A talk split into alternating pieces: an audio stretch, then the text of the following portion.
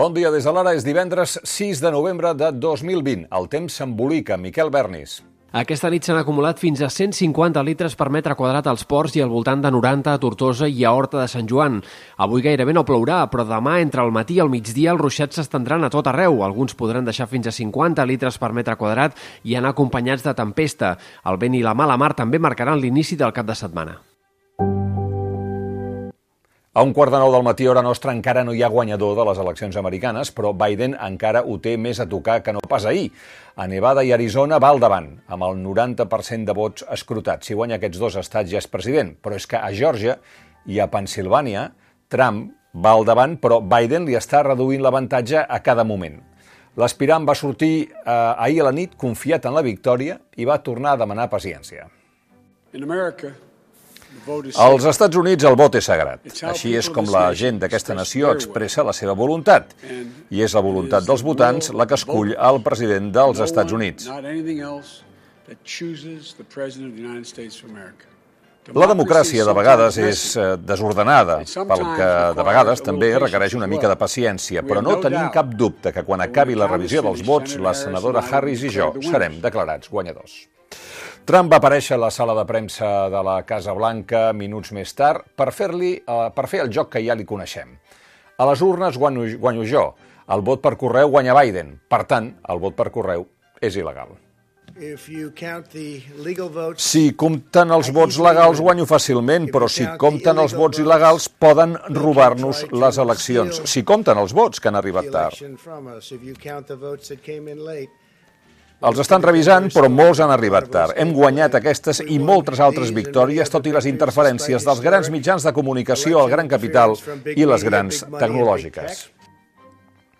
Penseu que ahir algunes cadenes van interrompre aquest discurs del president per dir que estava mentint i no van continuar emetent-lo. Fins i tot a la Fox.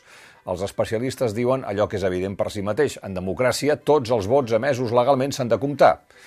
Per més anacrònic, complicat i infradotat econòmicament que sigui el sistema electoral americà, a tot el món s'entén que val el mateix un vot a l'urna que un vot per correu eh, que va arribar a temps. De fet, els jutges ja estan començant a rebutjar les primeres demandes d'alguns republicans per frenar l'escrutini electoral. A l'ara d'avui hi trobareu totes les cròniques i anàlisis d'un cas com Cabàs, perquè encara que sigui el comentari cunyat del dia, un país que ha enviat fa 50 anys algú a la Lluna encara no pot eh, saber qui ha guanyat les eleccions tres dies després que es tanquessin les urnes. Les gravacions obtingudes per la Guàrdia Civil a l'operació Volhov continuen portant cua. Un dels investigats per les seves relacions amb diversos membres del govern és Xavier Vendrell, exconseller i exdirigent d'Esquerra Republicana. Segons els atestats de la policia, va celebrar una trobada de 3 hores amb la consellera de Salut, Alba Vergés, per aconseguir un tracte de favor i a la sortida va comunicar-li a la seva dona que havia anat molt bé. Ahir Vergés va admetre en una entrevista a Ràdio 4 que s'havien trobat per dinar, però va negar qualsevol irregularitat. Va explicar que Vendrell era llavors una persona enfadada amb el departament perquè no havia obtingut un dels contractes que perseguia i Vendrell considerava que Vergés eh, sentia aquest enuig perquè no tenia cap eh, contracte com si havia tingut en el passat. La consellera es va mostrar convençuda que la eh, investigació no anirà enlloc i va dir textualment no trobaran res. Mentrestant, és notícia Dani Gallardo. Va ser detingut el 16 d'octubre de l'any passat, a la manifestació de Madrid contra la sentència de l'1 d'octubre. Des de llavors, és a la presó del Cadameco, on va ser empresonat de manera preventiva eh, per haver agredit presumptament un agent de la Policia Nacional. Doncs bé, ara, un any després, arrenca el judici. La Fiscalia li reclamarà avui sis anys de presó eh, per aquest jove gadita de 23 anys. Eh, són quatre anys per atemptat a l'autoritat i dos per desordres públics, una xifra tan elevada eh, per l'agreujant de l'acusació eh, que la sol·licita pel fet d'haver picat presumptament amb un pal de fusta, eh, amb claus, el casc de la gent que retenia la seva amiga Elsa, també processada. Com ja va avançar el doctor Antoni Trilla, a l'ara eh, ens espera un Nadal sense grans celebracions ni àpats amb la família àmplia o els amics, però salvant tradicions com les cavalcades de Reis.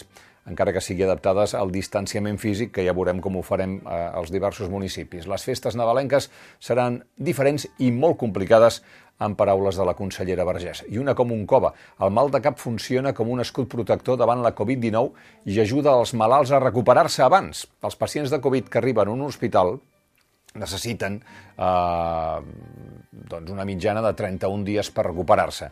Però els que presenten mal de cap de forma privarenca triguen fins a 7 dies menys. Ho constata una anàlisi de l'Hospital de la Vall d'Hebron després d'haver estudiat 130 casos atesos a urgències entre el març i l'abril. Mentrestant, la pandèmia està enfonsant l'economia. Brussel·les va anunciar ahir que la patacada del PIB espanyol és més del doble que el PIB alemany. Vegin la gràfica. La caiguda del primer trimestre va ser a plom, fins a més enllà del menys 20%. Després hem rebotat, hem recuperat molta de la nostra economia el tercer trimestre, eh, però encara estem amb el PIB eh, negatiu. Què vol dir això en la vida real? Doncs un exemple. De juliol al setembre, a Catalunya, un 54% més de concursos de creditors en empreses que l'any passat. D'aquests que han hagut de fer fallida, el 25% són comerços, la indústria el 10%, l'hostaleria un gran damnificat de la crisi, un 8% de les fallides. I com han vist en el titular, el 60% de les empreses que fan fallida a Catalunya tenen menys de 5 treballadors. Una excel·lent notícia en cultura, almenys. Les mil pàgines d'un dels clàssics més importants de la literatura catalana, gran exponent europeu de la novel·la cavalleresca, la nostra primera novel·la moderna, Tirant lo blanc, per fi parla un català comprensible pel lector modern. Proa acaba de publicar la versió completa, rigorosa i actualitzada del Tirant, Joanot Martorell, 1490. Si els lectors anglesos, alemanys, italians, francesos o xinesos poden llegir el Tirant a la seva llengua actual, per què no podem fer-ho els catalans? Es va preguntar l'editor. I qui ha fet aquesta traducció al català modern? Doncs el Mario Serra, que va rebre el regal amb verina de traslladar el català medieval original al català del segle XXI, sent el màxim de fidel a l'original. Ha dit que ho ha fet sense rebaixar-ne el nivell ni renunciar a la seva refistolada riquesa verbal.